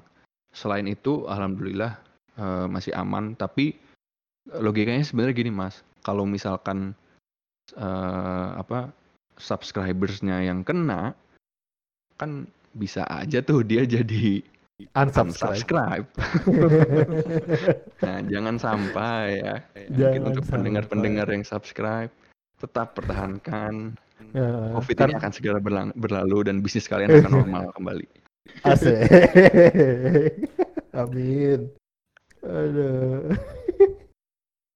Apa? Teman-teman gimana nih kuliah kuliah online ya perkembangannya? Kuliah sama Pak J yang paling menarik tetap. Iya gimana ya? Aku beliau kan nggak pernah pakai slide tuh selama dulu juga catatan-catatan manual. Sekarang gimana tuh? Sekarang beliau share slide di aula, Iya, di share slide. Hmm? Heeh, terus ya udah ngajar beliau pakai Google Meet beliau. Mukanya ada. Ada. Dan beliau masih seperti masih kayak di kelas mas nyariin mahasiswa ayo siapa sini mana jawab pertanyaan saya pendapat kamu gimana Apalagi Lucu kelas kita ya. pas puasa pagi jam 8. Iya. Wah Kelas- tidur sih. harusnya harusnya pakai zoom yang bisa ngeset itu tuh virtual background tuh. iya Gimana gini virtual kan? virtual gini tapi pas diajak ngobrol Aduh. Error pak speakernya pak. Gitu. iya Alasan Ujian udah ujian juga ya? Ujian jadi tugas Ujian. ya? UTS udah UTS mas eh ya, mirip Tetap tugas lah UTS. sih jadinya Ah, mirip tugas sih jadinya Tapi ini nggak sih jadi nggak ada momen untuk eh, maksudku dengan di rumah mau apa meskipun dinyatakan oh, nggak boleh buka referensi atau close book gitu kan. Kalau misalkan kita ujian datang ke kampus kan selama ini banyak yang close book tuh. Nah dengan situasi sekarang kayak gimana? ya open mas Gitu ya. jadi Soalnya susah disesuaikan nggak? disesuaikan soalnya jadinya Hmm. Iya iya iya. iya. Tapi belum ada yang keluar nilai dari WFH ini apa dari belajar di rumah ini. belum HPI ngecek doang sih Belum. sih. Udah ada sih. Oh, Udah hap- iya, beberapa hap- matkul. kalau HPI sih iya cepet itu HPI HPI kan dosennya emang dosen-dosen super. iya Nah, iya. kira- kira-kira nilai yang didapetin karena kondisi sekarang, kalau dibandingkan misal kondisi normal, itu sama nggak tuh? Apa menurut teman-teman, apakah kondisi sekarang ini menguntungkan? atau Sangat tidak menguntungkan. Saya memilih saya memilih menjawab ini Sangat. menguntungkan. Sangat menguntungkan. luar biasa Apalagi semester akhir kan waktunya, emang aku planning buat ngambil matkul-matkul susah kan. Nah pas, pas banget nih, pas UTS kita bisa. iya iya iya iya iya Kita ini eh, golongan yang diam-diam senang dengan kondisi ini. Mas. Kondisi WFH-nya ya, bukan wabahnya ya. Ya, betul betul ini kan bersyukur ya bentuk syukur namanya Iya. Kenapa Mi? Kenapa Mi? Kan Kalau bisa KKN juga dihapus lah ya semester Aduh. bisa Mi. Nggak bisa itu. KKN-nya dari Google Earth mungkin nah, main main Harvest Moon gitu. hampir semua main The Sims main kayak Raditya Dika semua nih kayaknya nih. Oke, lanjut nih. Eh, tadi masalah hukum online kan. Kan kita di kalangan mahasiswa juga kadang eh, mementingkan sekali adanya publisitas. Kan kita nulis, nulis di jurnal dan lain sebagainya. Di hukum online kan emang basisnya emang teks kan. Di di mana biasanya eh, ya basisnya pokoknya outputnya teks lah. Nah, apakah penting sih sebenarnya kalau misalnya kita nih teman-teman mau berkarir di hukum online juga, maksudnya eh, jurnal berapa yang kita tulis atau gimana basic menulis yang bagus atau gimana? Nah, Ah, Betul, bagus banget pertanyaannya Hilmi. Jadi eh, memang di luar eh, pilihan profesinya ya atau mungkin pilihan kantornya, bagi lulusan hukum itu sangat eh, hukumnya fardu ain untuk bisa eh, nulis ya kan, untuk bisa nulis bagus dan dapat dimengerti oleh eh, pada akhirnya kan oleh klien gitu kan, oleh orang oleh orang awam. Jadi mungkin kita yang berkelumit dengan istilah-istilah hukum yang sangat ribet, tapi ya kita harus bisa nulis yang bagus sehingga dibaca orang understandable gitu. Eh, kalau kaitannya dengan uh, pekerjaanku misalkan di hukum online ini, em, alhamdulillahnya aku waktu kuliah itu pernah eh, nulis eh, dan dipub- dan dipublikasikan di eh, salah satu platform hukum yang online juga gitu, tapi bukan hukum online. Nah, eh waktu itu dari Alsa tuh kebetulan Alsa- teman-teman Alsa ngadain kompetisi ya mungkin hitungannya Alsa Legal Review itu dia Oh, kerjasama sama clicklegal.com. Nah, oh, ah, aku sama temanku waktu eh, Alvan sama Dian teman kelasku bertiga nulis akhirnya dipublish di sana dan itu kan aku bisa sertakan di CV juga ya kan. iya. Selain Ini dari itu- perusahaan saingan gitu ya. Sebenarnya gitu juga tuh kan maksudnya. Iya, iya. ya. Oke, Selain lanjut, Mas. itu, aku ikut ini, aku memang eh, ikut pelatihan jurnalistik waktu itu. Eh, pernah yang diselenggarain sama Republika waktu itu. Ini waktu waktu aku lagi apa waktu lagi liburan, jadi aku lagi di rumah di Bogor, ada acara di Jakarta, kan dekat juga. Itu ada trainingnya Republika, terus eh, pusat informasi dan humasnya UNER waktu itu ngadain sekolah jurnalistik. Terus kalau teman-teman tahu The Conversation itu The Conversation Indonesia pernah ngadain uh, di UNER juga. Nah itu aku ikut itu dan dia training yang uh, ya padat juga ya kan secara nyata dan punya sertifikat gitu kan. Jadi itu juga yang aku bisa tulis di CV, aku bisa prepare sertifnya untuk menunjukkan bahwa oh paling enggak aku sudah tahu nih dasar-dasar uh, menulis ya kan walaupun mungkin secara umum dan juga sudah ada portofolio tulisan yang pernah dipublish gitu. Kalau misalkan uh, jurnal gitu-gitu em, itu tentu nilai tambah tapi oh ya aku ada sih aku kema aku aku kem- kemarin sempet uh, ikut salah satu international conference tapi temanya Islamic Economics. Oh, Jadi oh tema iya. ekonomi Islam di IPB. Ha, itu ya itu juga aku masukin gitu ya. Tapi uh, kalau yang aku lihat trennya adalah ketika kita nulis uh, hukum itu yang membaca kan adalah orang umum gitu ya. Jadi sebenarnya kemampuan untuk mensummary, kemampuan untuk memparafrase dalam bahasa yang sangat nyaman dibaca itu yang lebih penting ketimbang kita meneliti misalkan eh, suatu bidang atau topik mendalam spesifik gitu ya. mungkin itu uh, kalau misalkan teman-teman memang mau meniti karir sebagai akademisi atau emang ingin penelitian si isunya tersebut monggo gitu kan diasah. Tapi paling enggak untuk untuk untuk yang mau lulus lah untuk kerja di mana pun aku rasa kemampuan menulis menulis umumnya aja dulu di di di exercise gitu. Mungkin kalau boleh sharing yang aku masih ingat sampai sekarang pernah disampaikan sama Pak Iman Prihandono. Um, uh, beliau uh, pernah nyampein prinsipnya dalam penulisan hukum itu adalah rumus IRAC I R A C. I R A C. Hmm. I-nya adalah issue. Issue. R-nya adalah uh, regulation. A-nya adalah application. C-nya conclusion. Kayak gitu. Jadi IRAC gitu kan. IRAC issue regulation application, uh, conclusion. Jadi secara singkat aja tuh misalkan apa uh, jawab ujian juga Pak Iman dulu ngajarin gitu. Uh, oh ya pada kasus ini uh, yang terjadi adalah faktanya A B C ya kan. Nah ini diatur dalam atau ini pasalnya adalah pasal sekian undang-undang sekian. Terus diaplikasikan. Oh dalam kasus ini sesuai dengan elemen ini pada pasal ini. Dengan demikian Jadi, kesimpulan apa? Hmm. Jadi rumus itu yang memang sangat membantu tuh aku inget sih waktu itu sama ya, Pak Iman dan juga ditekankan sama dosen-dosen yang lain juga. Dan masih kepake sampai uh, apa sampai sekarang kayak gitu ya. Dan kalau bisa sih kalau bisa bukan kalau bisa ya harus bisa sih menurutku harus apalagi udah udah era sekarang um, bahasa Inggris juga di betul ini, sekali. apa namanya dimaksimalkan bener-bener deh. Karena referensi dari sana luar biasa ternyata.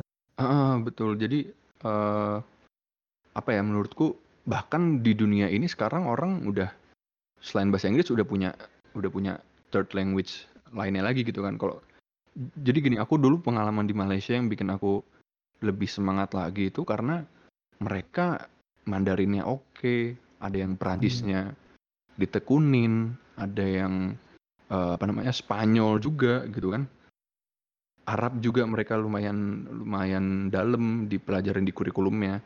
Nah, tapi paling enggak untuk untuk lulusan hukum di Indonesia untuk era sekarang ya bisa lah mas apa bahasa Inggris udah wajib lah hukumnya gitu loh. Karena emang ya alhamdulillah kayak aku sekarang juga uh, kerjaanku kan ya udah full bahasa Inggris semua tuh tulisan-tulisannya. Oh, uh, terus kayak kalau teman-teman ketika mengakses bahan-bahan juga referensi termasuk ikut-ikut webinar dan online course gratis yang lagi dibuka nih um, dari apa macam-macam ya kayak kampus-kampus top dunia juga kan lagi pada buka online course dari platform-platform yang udah trusted juga kan mostly in English juga gitu. Jadi harus inilah harus harus uh, di dipaksa aja untuk untuk uh, bisa gitu Tadi yang dari Pak Iman singkatannya IREC ya? IREC mas, ada lagi okay. IRAC. IRAC. Kalau nggak salah ada lagi tuh yang yang ditambahin satu huruf lagi, cuma aku lupa juga. Cuma uh, kenapa kenapa dasarnya, referensi? Dasarnya. Uh, uh. Hmm, kenapa referensinya? Dasarnya. Apa mas? Kenapa referensinya negara Timur Tengah ya? Waduh. Waduh. Iya iya iya iya. Wah, Enggak, mungkin mungkin karena beliau dosen uh, hukum internasional yang yang ya, ini ya, ya yang banyak ya. exposure ke hal-hal. Iya iya iya. Jadi cuma emang, emang iya, itu iya. Iya iya, plesetan aja sempat mikir sih. Iya. agak ag agak delay ketawanya, cuy. Iya, bingung aku. Yang cepet Mas Afan loh tadi. Padahal aku udah coba mengondisikan uh, mengulangi uh, singkatannya apa loh tadi. Iya. iya, iya sih, Mas. Cuma dari singkatan tahu-tahu lompat ke Timur Tengah itu semua di sini apa nih ininya uh, yang udah di apa yang udah diproyeksikan kira-kira setelah lulus ingin di ranah mana atau mungkin sekarang sedang menekuni eh, kegiatan tertentu di bidang apa yang uh, paling enggak bisa mungkin bisa kita sharing-sharing juga nih setelah setelah podcast ini ataupun buat para pendengarnya juga. Ya monggo siapa dulu? Mau di sini atau nanti aja nih?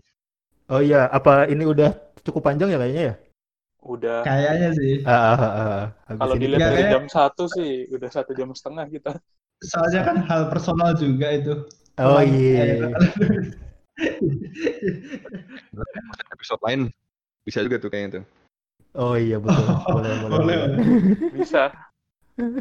Ada Mas Jul, silakan. Apa nih nutup nih? Iya. Oke. Mungkin udah terlalu itu juga. Iya, ini sepertinya kita sudah lebih dari satu jam ya yang pasti ya. Kalau satu setengah jam belum tentu nanti di cut-cutnya. Kayaknya kalau sudah bersihnya pun sudah lebih pasti lebih dari satu jam. Terima kasih banyak eh, buat pendengar dulu. Ya. Kemudian terima kasih banyak juga buat tamu kita. buat tamu kita pada hari ini Mas Afan Muhammad Andalan. Banyak sekali insight yang kita dapat hari ini eh, soal kesempatan-kesempatan yang kita dapat di yang mungkin kita dapat nanti setelah lulus. Terus kita dapat rahasia-rahasia juga di hukum online. Ya. Pertanyaan-pertanyaan menggelitik mahasiswa hukum. Pada kita tanyain juga. Oke. Terima kasih banyak, Mas. Mas eh, Juli, Mas Reza, Mas Hilmi juga eh, buat teman-teman semua semoga dilancarkan rencananya untuk eh, pasca kampusnya, pasca lulusnya dan eh, mungkin sekalian juga berbagi ke pendengarnya kalau misalkan mau eh, berbincang dan eh, tetap apa namanya ya keep contact gitu. Hmm. Eh, aku ada di Instagram dengan username Afan Muhammad, ada di Facebook, YouTube, dan LinkedIn dengan nama yang sama, Afan Muhammad Andalan, dan di Twitter dengan username @andalanafan. Oke, Gitu. ya sekali lagi terima kasih Mas Afan, terima kasih para pendengar. Sampai jumpa di episode selanjutnya.